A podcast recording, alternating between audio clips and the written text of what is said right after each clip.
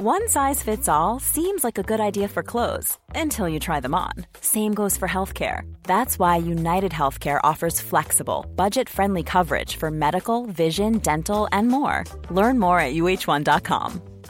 Hey, I'm Ryan Reynolds. Recently, I asked Mint Mobile's legal team if big wireless companies are allowed to raise prices due to inflation.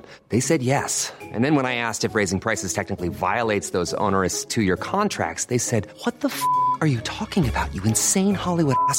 So to recap, we're cutting the price of Mint Unlimited from $30 a month to just $15 a month. Give it a try at mintmobile.com slash switch. $45 upfront for three months plus taxes and fees. Promo rate for new customers for limited time. Unlimited more than 40 gigabytes per month. Slows. Full terms at mintmobile.com. Planning for your next trip? Elevate your travel style with Quince. Quince has all the jet setting essentials you'll want for your next getaway, like European linen, premium luggage options, buttery soft Italian leather bags, and so much more. And is all priced at 50 to 80% less than similar brands. Plus, Quince only works with factories that use safe and ethical manufacturing practices. Pack your bags with high-quality essentials you'll be wearing for vacations to come with Quince. Go to quince.com slash pack for free shipping and 365-day returns.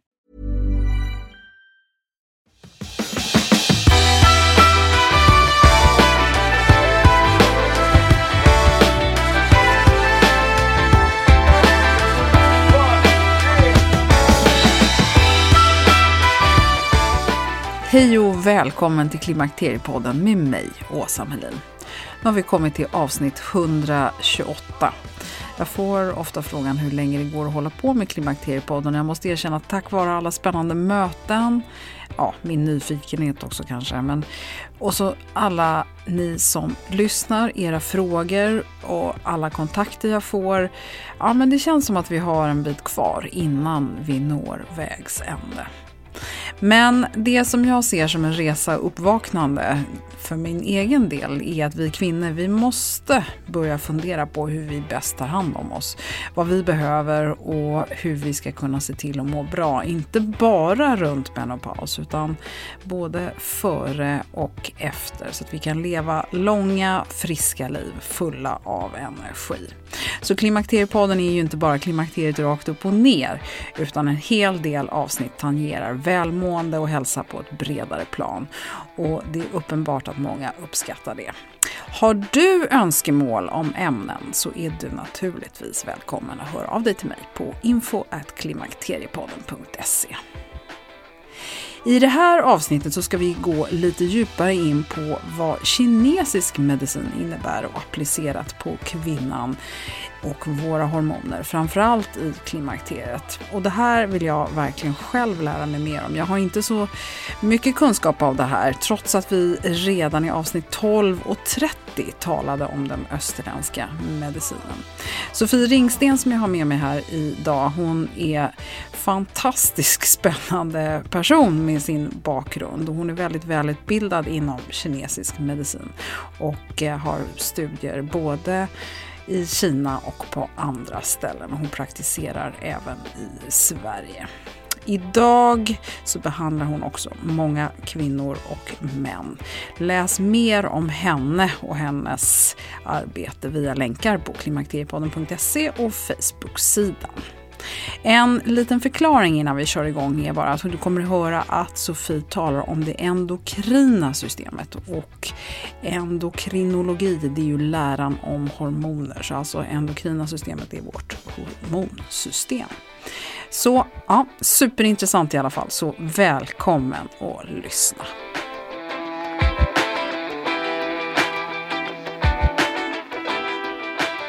Sofie Ringsten, hjärtligt välkommen till Klimakteriepodden. Tack så mycket.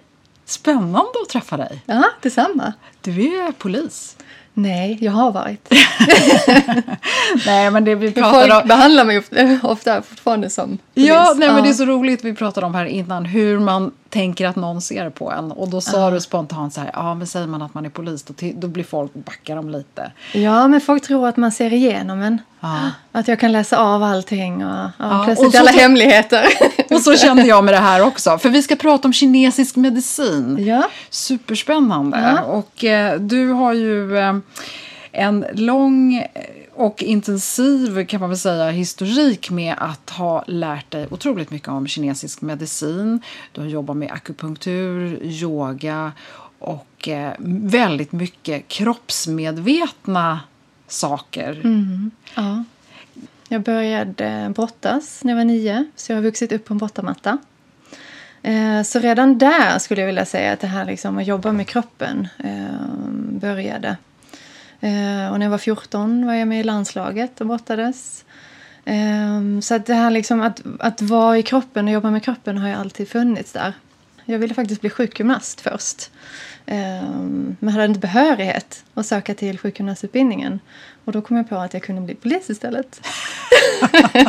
ja, okay. Samhällstjänst kan man ju se det som. Ja, nej, men jag tror kanske liksom vägen, eh, liksom växa upp på en brottamatta är ganska tufft. Så, eh, och jag var en av de första kvinnorna i Sverige som började brottas. Så jag tränade ju med killarna och växte upp i en eh, mansdominerad värld kan man säga. Och sen vad hände när du bestämde för att gå från polisyrket? Och, ja, och det var ju inte planerat. Utan jag blev polis när jag var ganska ung. Jag var ute och jobbade när jag var 22. Eh, och det var ju helt fantastiskt och älskade det. Eh, jag tyckte det var superkul. och sen råkade jag faktiskt ut för en skada. Så när jag var 27 och jobbade här i Stockholm city så råkade jag ut för en skada och blev slagen. Fick en träpåle slagen på huvudet under en demonstration. Ehm, och det var någonting som jag... Ehm, varken jag eller läkare förstod nog riktigt hur allvarligt det var. Utan jag eh, tog den där smällen och jobbade vidare ett par timmar innan min, eh, mitt befäl på plats tyckte att nej, men nu är det någonting som inte riktigt stämmer. Så blev borttagen ur tjänst och inlagd på sjukhus med hjärnblödning. Det tog faktiskt två år innan jag förstod att det här, ehm, det här är någonting som inte försvinner utan det blir bara sämre och sämre. Så det slutade med en dag att jag kunde liksom inte vända huvudet i bilen när jag körde polisbilen utan då insåg jag att det här, eh, det här funkar inte. Att jag försätter min kollega i, eh, i fara också. Och då hade det gått så långt så att jag hade både nervblockader och botoxsprutor och jag hade morfinplåster. Eh, för jag hade ju fruktansvärt ont och hade ju ständig migrän. Eh, så att jag körde på och jobbade med det tills det liksom absolut inte funkar längre. Så då blev jag sjukskriven eh, och var hemma. Och eh, sen öppnade en yogastudio bakom mitt hus. ja.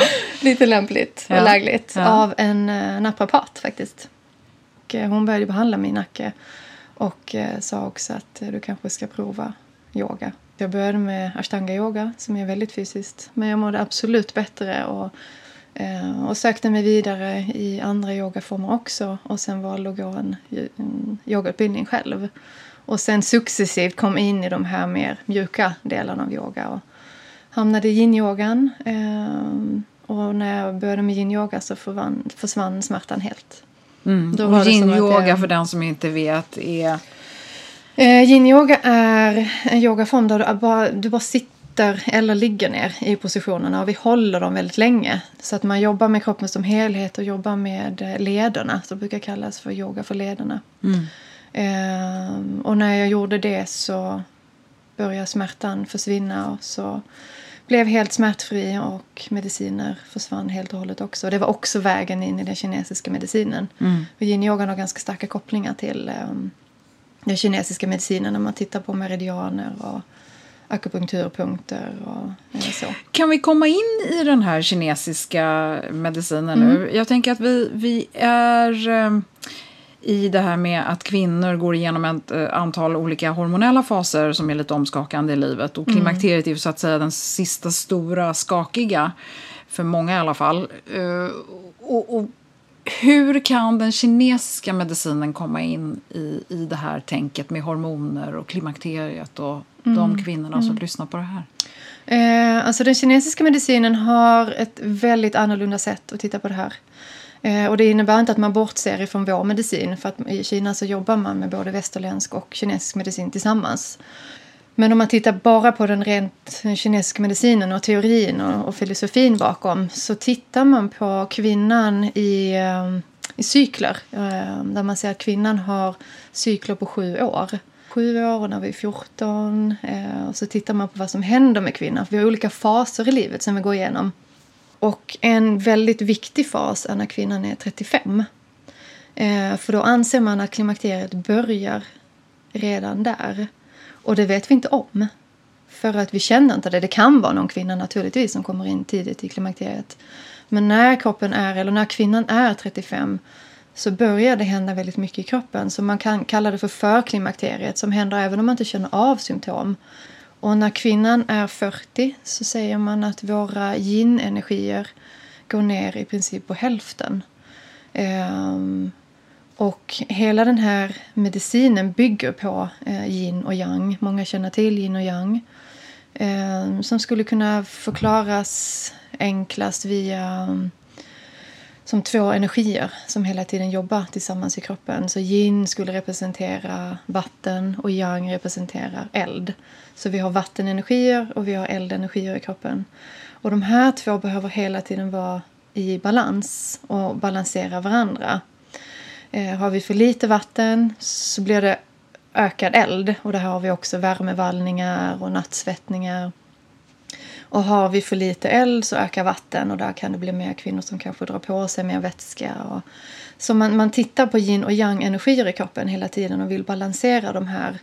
Och just för kvinnor och klimakteriet så handlar det om en, eh, en brist i yin, som man kallar det för yin deficiency. Så den kinesiska medicinen tittar inte på hormoner specifikt i sig utan man kopplar in det i hela medicinen. Så man har inte ett eh, eller man tittar inte på det endokrina systemet som separat utan man tittar på organen. Så organen styr våra hormoner och hela medicinen bygger på att balansera organen hela tiden. Eh, och just för kvinnor så handlar det väldigt mycket om att vi behöver skapa blod och vilka organ som skapar blod. Och kan organen inte göra det så måste man gå in och stötta dem till att skapa mer blod. Ehm, vi har också tendens att få stagnerat blod i kroppen och då behöver man gå in och få igång blodet. Och det här är också yin och yang energier. Så när man tittar på yin så är det i princip all vätska i kroppen. Substans i kroppen. Och tittar man på yang så är det funktioner som är i rörelse. Så till exempel vår matsmältningssystem, vår andning är eh, yang-energier. Och de här två behöver hela tiden balanseras. Vi behöver skapa ny substans, vi behöver skapa blod i kroppen. Men det behöver också röra på sig. Och här tittar den här medicinen just på dem. Så när man möter en kvinna eller när en kvinna kommer till mig till exempel för behandling eh, så är det väldigt vanligt att man kan ha blodbrist Eh, och en del kvinnor har stagnerat blod, vilket är också väldigt kopplat till till exempel endometrios. Så där handlar det om att dels försätta kroppen i förutsättningarna vi kan skapa blod igen, vi kan skapa mer energi och också röra på energin i kroppen.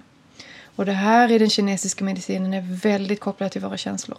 Och det är också väldigt unikt för den kinesiska medicinen att man tittar på människan tittar på känslor, man tittar på hela livet. Så oftast så är det mer intressant vem är du som sitter framför mig när du kommer och ska behandlas än vad har du för sjukdom. Och klimakteriet är ju ingen sjukdom. Det är jätteviktigt. det. Ja. det är jätteviktigt ja. för att det finns kvinnor som behandlar det som en sjukdom eller ser det som en sjukdom och det är det inte. Så i den kinesiska medicinen så anser man att ha mens ska inte göra ont. Att komma in i klimakteriet ska inte vara jobbigt. Ehm, och är det det så finns det obalanser i kroppen. Och här kan vi igen gå tillbaka till det här kvinnor 35 år. Att redan där så kan vi börja förebygga för att vi ska kunna gå igenom de här faserna ehm, på ett sätt där det inte ska vara jobbigt. Så redan där kan man sätta in eh, olika, dels behandla såklart med akupunktur och örtmedicin. Men också framför allt att titta på hur lever jag? Eh, och redan där börja förebygga med stresshantering, eh, kosten. Eh, så det finns väldigt mycket man kan göra för att förebygga och den kinesiska medicinen bygger på det. Att ju tidigare vi kan förebygga olika obalanser eh, desto bättre. Så om vi väl har kommit in i klimakteriet och har väldigt mycket jobbiga symptom så tar det längre tid att behandla. Så att man kan börja behandla och, och man kan också förutse ungefär vad för besvär man skulle kunna få. För den kinesiska medicinen bygger också på något som kallas för femelementsteorin. Där vi har fem element i naturen. Och de fem elementen finns inom alla människor också. Men vi är mest drivna av ett element och det kallas för causative factor. Um, så att vi har elementet trä och vi har eld och vi har jord, metall och vatten. Och alla människor har de här energierna i kroppen för de här energierna är också kopplade till alla våra organ. Men vi är drivna, vi föds in i ett element som är mest drivande genom livet. Och kan man också lära känna sig själv och studera sig själv och hitta sitt element så kan man också veta ungefär hur kommer klimakteriet bli för mig. Så till exempel kvinnor som är väldigt drivna av eld kan också räkna med att det kommer bli väldigt mycket värmevallningar, svettningar. Kvinnor som är mer drivna av elementet trä kommer troligtvis ha väldigt mycket PMS, humörsvängningar. Kanske finns en historik med endometrios. Eh, väldigt mycket cravings. Eh, så kan man hitta sitt element. Mm, och det här... Utveckla det, för det här tycker jag är superspännande. ja, ja, och har man väldigt mycket jord det här är också kvinnor som är väldigt omhändertagande. Och det betyder inte att andra kvinnor inte är det. Men de här har väldigt starka tendenser av det. Också de som kanske ser till att alla andra har det bra före man själv eh, ser, ser till sig själv och tar hand om alla andra före man tar hand om sig själv. Eh, och de här kvinnorna har oftast mer tendenser till kanske problem med vikten, mycket eh, problem med ämnesomsättningen. De får oftast mer cravings för eh, kanske mjölkprodukter eh, och blir oftast eh, man kan säga ämnesomsättningen att det stannar av, att det blir mer långsamt och kan också få de här eh, vad heter det, brain fog, att det blir liksom... Ja, hjärndimma. Ja, precis. Och sen har vi elementet metall. Och de här kvinnorna är eh, mer benägna till att gå in och kanske frysa mer så när vi tänker på klimakteriet i väst så tänker vi oftast också värmevallningar och svettningar. Och, men en del kvinnor är mer benägna till att frysa. Och det, kan också, och det här går ju också in, alla de här elementen har också väldigt mycket spirituella aspekter. Och en del kvinnor i just elementet metall kanske blir mer kanske finns mer rädslor för eh, vad man är på väg in i och att man hanterar hela mm, man hanterar eh, den fasen man är i på, på ett sätt som att man, att man är rädd för vad, vad som händer och förändringarna. Och sen har vi elementet vatten eh, som också kanske tenderar mer till att frysa, få ont i ryggen, ländryggen och knä. Så att beroende på vilket element vi är så kan vi också eh, förebygga och förutse ungefär hur klimakteriet kommer att bli. Och, och om man tar till exempel den ayurvediska tron, då har vi ju mm. tre olika mm. eh, ja. ja. sorter, om jag ja. får säga det på svenska. Eh, och då brukar man alltid säga att man är liksom en liten blandning av de här. Är det samma sak i den kinesiska tanken? Att man har en som dim, kanske dominerar men de andra finns med? Mm. Alltså vi har alla fem element i oss men man har ett, man säger att man föds in i ett i ett specifikt element som och, då kommer och, och vill att styra. Man få, vill man ha bort det? Vill man ha en liksom 20-20-20, alltså en superbalans eller är det positivt att bejaka den man har fötts in i? Jo, men det är det. det är definitivt. Eh, och kan man också finna ut vilket element är det som styr mig så kan man också hantera stress på ett annat sätt. Att man kan veta eh, hur, framförallt hur reagerar jag och förebygga. Så det här handlar väldigt mycket om att anpassa sitt liv baserat på vem är jag? Eh, då vi alla är inte anpassade för att leva precis samma sak och jobba på samma sätt. Så redan där handlar det väldigt mycket om att studera sig själv. Vem är jag? Vad är jag här eh, på jorden att göra? Och de här aspekterna är väldigt eh, involverade i den kinesiska medicinen också. För det är en väldigt spirituell medicin, en väldigt filosofisk medicin Så när man behandlar så är det inte bara symptom utan man tittar på, tittar på hela människan. Och framförallt så kan man eh, behandla med eh, akupunktur och örter och andra metoder. Gå in och behandla spirituella aspekter också. För det är också någonting som man tittar på just i, det, i kinesiska medicinen och klimakteriet. Att det här, man kallar det för second spring. Mm. Så man ser det här som något väldigt vackert och naturligt. Att kvinnan är på, på väg in i en ny fas i livet. Eh, vilket innebär att man kan bejaka den fasen istället och titta på kanske mer spirituella aspekter. Eh, och framförallt igen inte behandla det som en sjukdom. Utan det är någonting som är naturligt och man tittar på olika aspekter. Vad händer i organen när vi inte producerar lika mycket blod och vi inte har mens längre?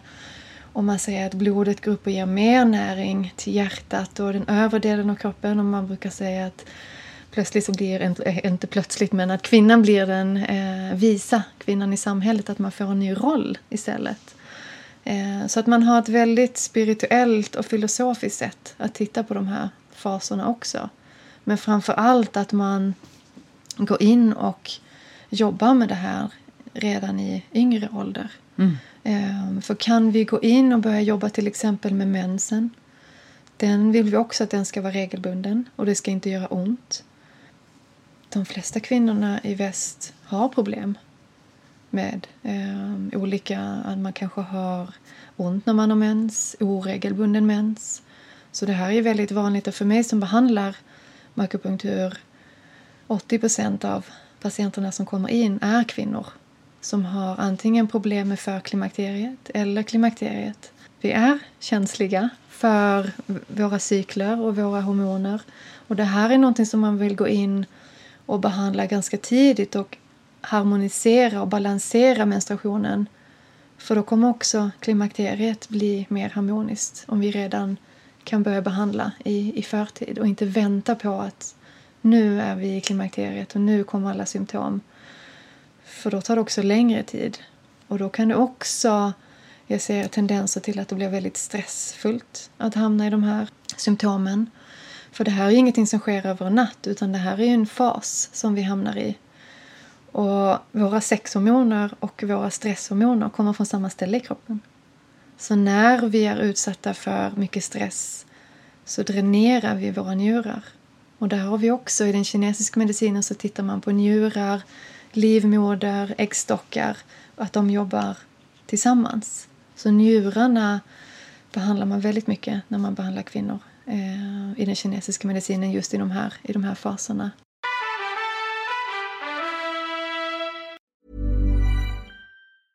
Planning for your next trip? Elevate your travel style with Quince. Quince has all the jet-setting essentials you'll want for your next getaway, like European linen premium luggage options, buttery soft Italian leather bags, and so much more. And is all priced at 50 to 80% less than similar brands. Plus, Quince only works with factories that use safe and ethical manufacturing practices. Pack your bags with high-quality essentials you'll be wearing for vacations to come with Quince. Go to quince.com/pack for free shipping and 365-day returns. Hold up. What was that? Boring. No flavor. That was as bad as those leftovers you ate all week. Kiki Palmer here, and it's time to say hello to something fresh and guilt-free. Hello Fresh. Jazz up dinner with pecan-crusted chicken or garlic butter shrimp scampi. Now that's music to my mouth. Hello Fresh. Let's get this dinner party started. Discover all the delicious possibilities at hellofresh.com. Many of us have those stubborn pounds that seem impossible to lose, no matter how good we eat or how hard we work out. My solution is PlushCare. PlushCare is a leading telehealth provider with doctors who are there for you day and night to partner with you in your weight loss journey. They can prescribe FDA-approved weight loss medications like Wagovi and Zepbound for those who qualify. Plus, they accept most insurance plans. To get started, visit plushcare.com slash weight loss. That's plushcare.com slash weight loss. Det är härligt att klimakteriets tabu äntligen är på väg bort. Vill man försöka klara sig utan hormonbehandling så finns nu många nya kosttillskott som lovar bland annat hormonell balans och som ska stötta brister. Jag vill lyfta min räddare i nöden, Femarell.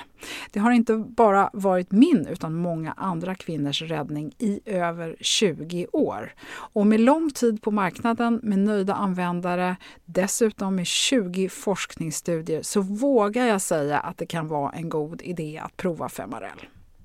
Femarel finns på apoteken och i hälsokostbutiker. Tack Femarel som varit min samarbetspartner i många år.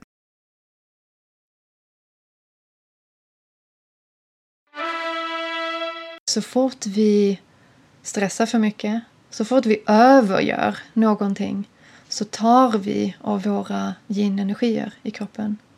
Och när vi fyller 40 så går våra yin-energier nästan ner på hälften. En del säger att 50 procent av våra yin-energier töms som kvinnor.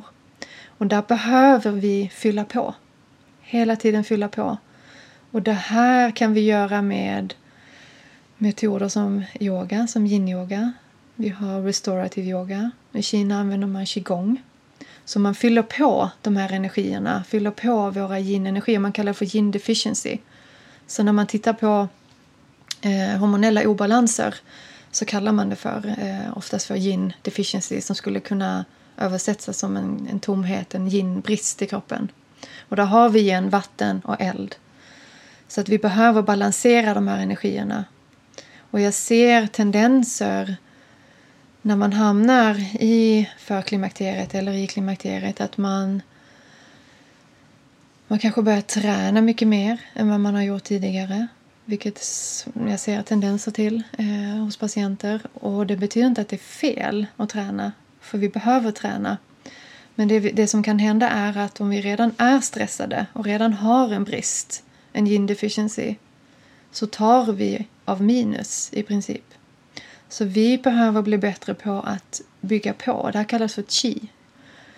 Som skulle kunna översättas som energi. Mm. Eh, så vi behöver kultivera chi. Vi behöver skapa mer energi i kroppen och fylla på de här depåerna. För om vi hela tiden tar och inte fyller på så tar vi ifrån våra yin-energier. Och det är också där många kvinnor kan hamna i då blir det för mycket eld.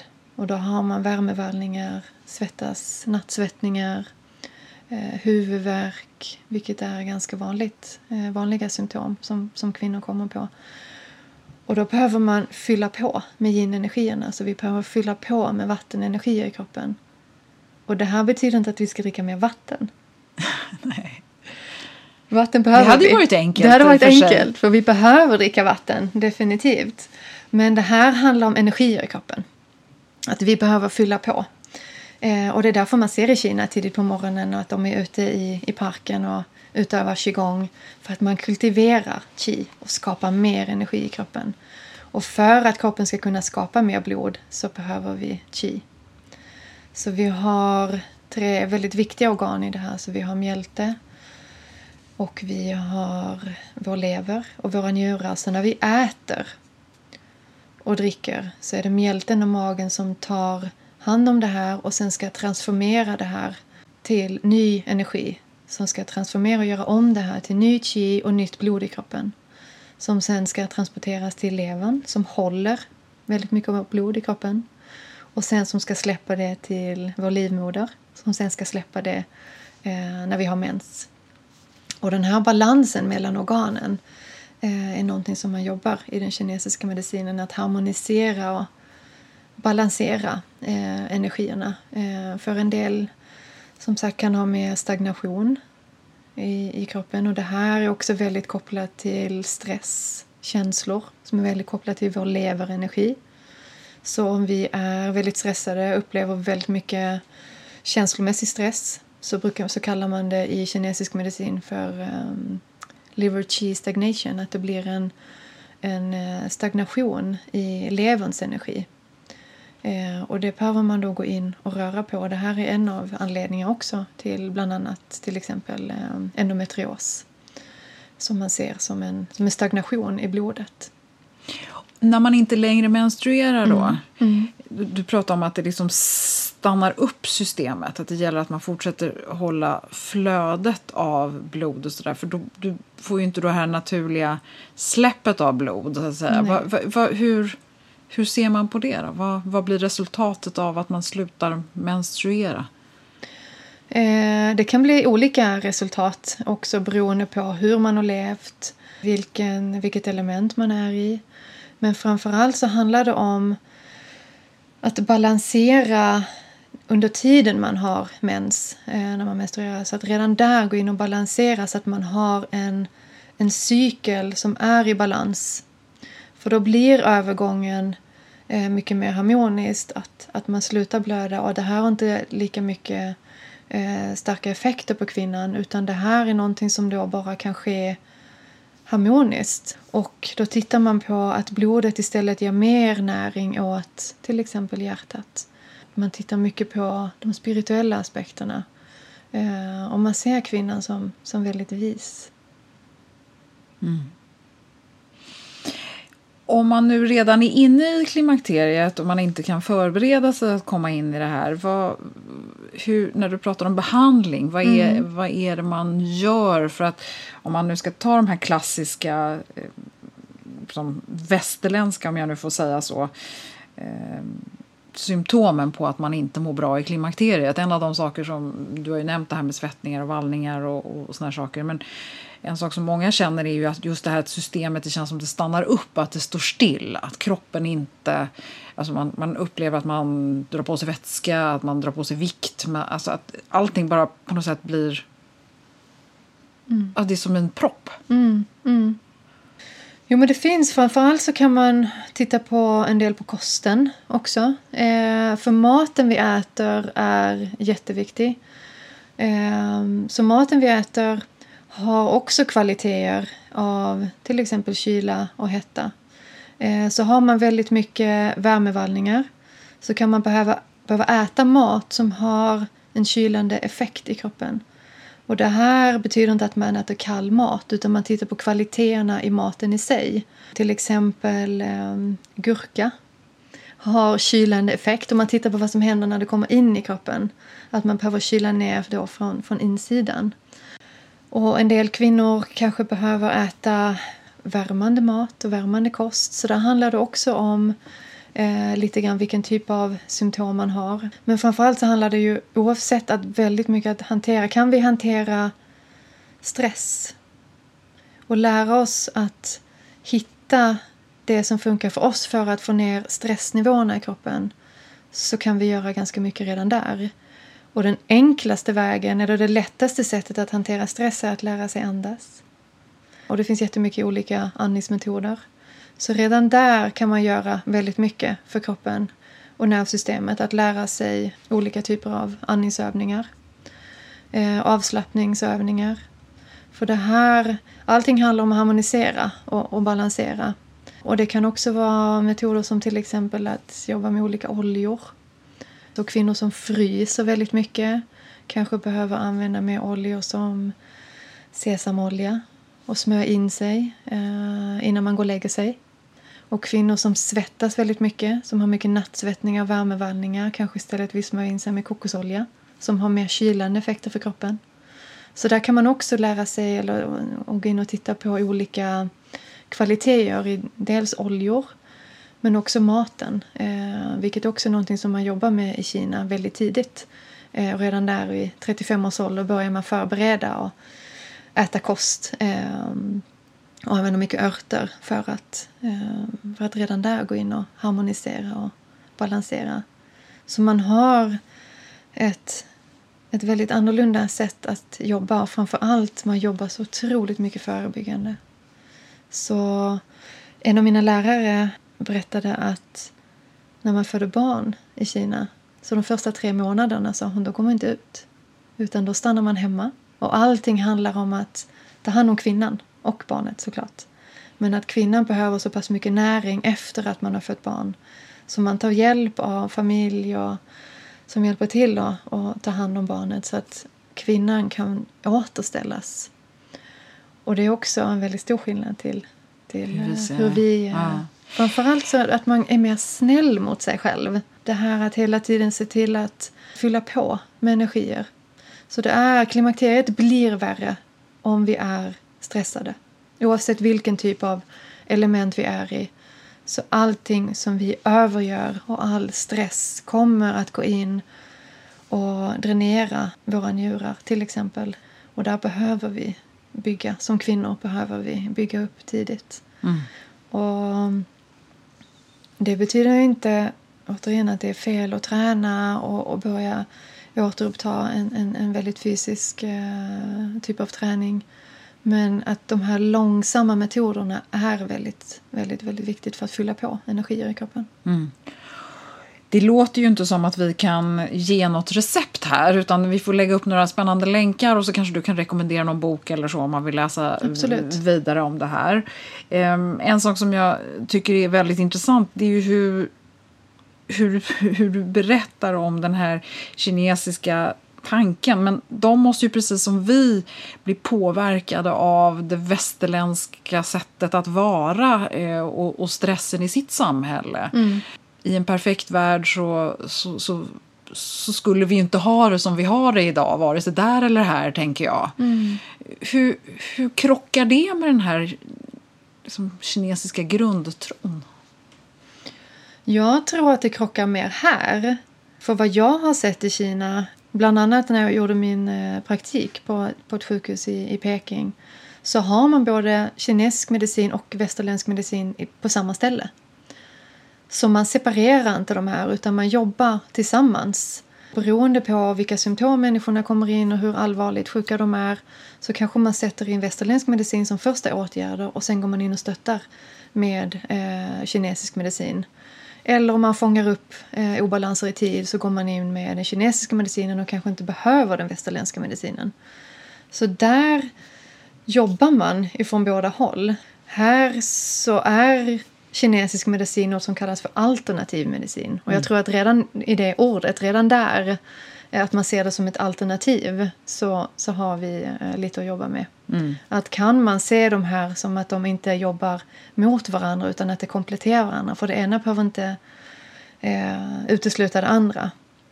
Och det är också väldigt viktigt att, att börjar man jobba med kinesisk medicin eller börja behandla så betyder inte det att man inte får ta hjälp av den västerländska medicinen. Vilket är ganska vanligt också. att att patienter tror att nej men nu, nu är jag, jobbar jag med alternativ medicin ja. och då ska jag kanske inte, eller man vill inte berätta att man tar mediciner. Eller... Då måste jag fråga slutligen här, mm. hur, eh, hur ser man på att få tillföra hormoner i den kinesiska medicinen? Man gör faktiskt inte det på samma sätt eftersom man ser på hormonsystemet som eh, eh, man tittar på organen. Eh, så när man kommer för behandling, känner på pulsen och tittar på tungan så ser man läget eller status kanske man ska säga på organen. Och alla organen är kopplade till endokrina systemet så man separerar inte de här två. Och man jobbar väldigt mycket med örter, med örtmedicin som har de här effekterna i kroppen. Så man behöver inte tillsätta eh, syntetiska hormoner och annat utan man, man går in och jobbar med olika örtmediciner som har de här effekterna i kroppen. Så man behöver kanske bygga mer blod i kroppen så finns det örter som stöttar för det. Eh, har man väldigt mycket värmevallningar så finns det örter som kyler ner. Mm. Så det är väl den stora skillnaden också. Eh, att allting handlar om eh, så långt som möjligt att jobba naturligt. Mm. Oj, vilken, vad, vad spännande! Vilken fantastisk kunskap du har. Det är jättespännande att lyssna på dig. Det är svårt att inte kunna ge något recept för man vill ju gärna säga men gör så här. Men det är så, vi är så olika. Och det är jo, men och jag tänker också att det är så annorlunda för oss som inte kan det här. Så att det blir också så, det är ju som att försöka förklara eh, vilket ämne som helst på 30 minuter. Det blir liksom ja, nästan, jag ja. känner nästan så här att jag skäms nästan för att jag tänker att vi skulle kunna tömma ut det här ämnet. Det kan vi inte så vi kanske får anledning att komma tillbaka. Men... Ja, det är ett väldigt stort ämne. Det är en väldigt vacker och poetisk medicin. Eh, och där, som jag sa, att man behandlar hela människan. Eh, och det är också någonting som jag känner saknas faktiskt i väst. En av mina lärare brukar säga att vi är spiritually bankrupt. Oh. Och det, det ligger någonting i det. Mm. För att vi, vi har en fantastisk medicin och som gammal polis så har jag sett det hur man behandlar akut med vår medicin. Den, den räddar liv. Men det här osynliga som man inte kan röntga, som man inte kan se. Där har inte vi någon medicin för det. Och framför allt så är det så att oavsett om vi är akut sjuka eller om vi har en någonting som, som vi har haft väldigt länge, som har blivit kroniskt, så det går inte att bortse från det spirituella. Nej. För klimakteriet är inte bara fysiskt utan det är också det är en kvinna bakom som, som upplever det här och det kan finnas känslor i det. Så att det är väldigt mycket hur tar jag mig an det här? Hur lever jag mitt liv? Och kan jag se det här som en naturlig fas? Eh, och framförallt också lägga in de spirituella aspekterna där yogan har eh, väldigt mycket att erbjuda också. Så kan, så kan man behandla det på ett väldigt fint sätt. Ja. Mm. Många som kommer och, och blir, kommer för behandling. Eh, nu nu liksom generaliserar jag. Men i väst så har vi en tendens att vi vill gärna ha en quick fix. Och det här är en långsam medicin. Och ger man den en chans att jobba under en, en längre period så det är väldigt, väldigt kraftfullt. Jag har behandlat mig själv och det är så jag hamnade i det här också. Att min egen skada ledde mig till yin-yogan och själv eh, haft endometrios som ledde mig till det här. Och det är någonting som vi i väst säger att men det är kroniskt och det får vi leva med tills vi slutar blöda. Men jag har själv behandlat bort det eh, med akupunktur och örter.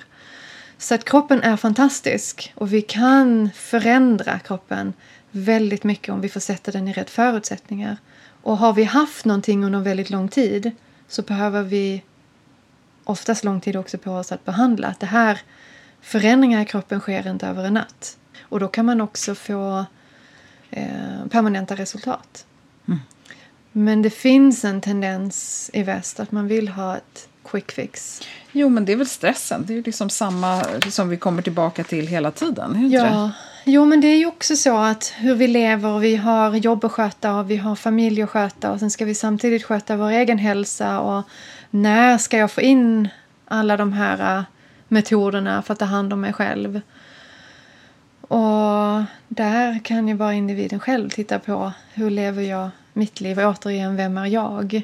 Och framför allt vara snäll mot sig själv. Mm. Det är inte själviskt att ta hand om sig själv. Och Nej. vi behöver göra det.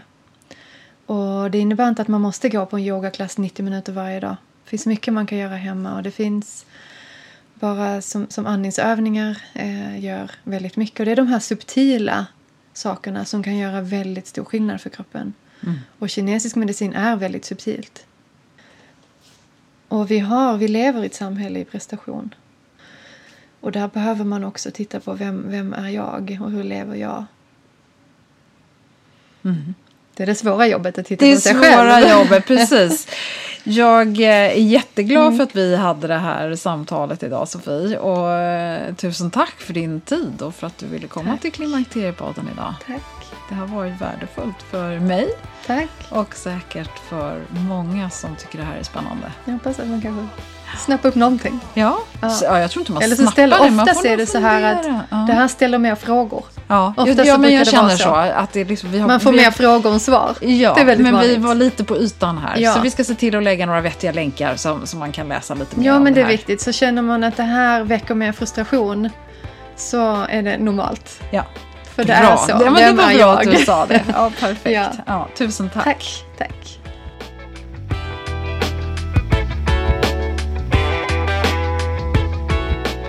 Ja, men missa nu inte att läsa mer om Sofie och eh, det vi har talat om här idag på klimakteriepodden.se och Facebook-sidan. Och där hittar du naturligtvis också bilder på Sofie.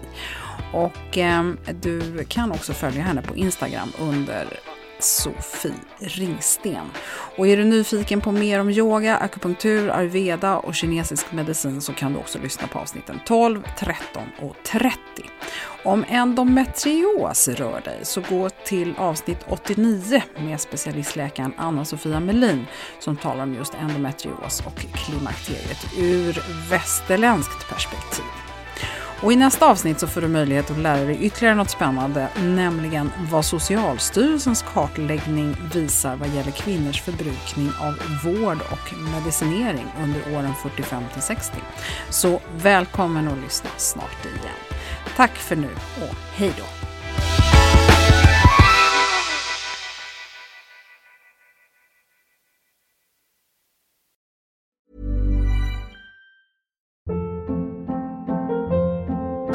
Hold up. What was that? Boring. No flavor. That was as bad as those leftovers you ate all week. Kiki Palmer here, and it's time to say hello to something fresh and guilt-free. Hello Fresh. Jazz up dinner with pecan-crusted chicken or garlic butter shrimp scampi. Now that's music to my mouth. Hello Fresh. Let's get this dinner party started. Discover all the delicious possibilities at hellofresh.com. Hi, I'm Daniel, founder of Pretty Litter. Cats and cat owners deserve better than any old-fashioned litter. That's why I teamed up with scientists and veterinarians to create Pretty Litter. Its innovative crystal formula has superior odor control and weighs up to 80% less than clay litter. Pretty Litter even monitors health by changing colors to help detect early signs of potential illness. It's the world's smartest kitty litter. Go to prettylitter.com and use code ACAST for 20% off your first order and a free cat toy. Terms and conditions apply. See site for details. Imagine the softest sheets you've ever felt. Now imagine them getting even softer over time. That's what you'll feel with Bowl and Branch's organic cotton sheets. In a recent customer survey, 96% replied that Bowl and Branch sheets get softer with every wash. Start getting your best night's sleep in these sheets that get softer and softer for years to come. Try their sheets with a 30-night guarantee. Plus, get 15% off your first order at bowlandbranch.com. Code BUTTERY. Exclusions apply. See site for details.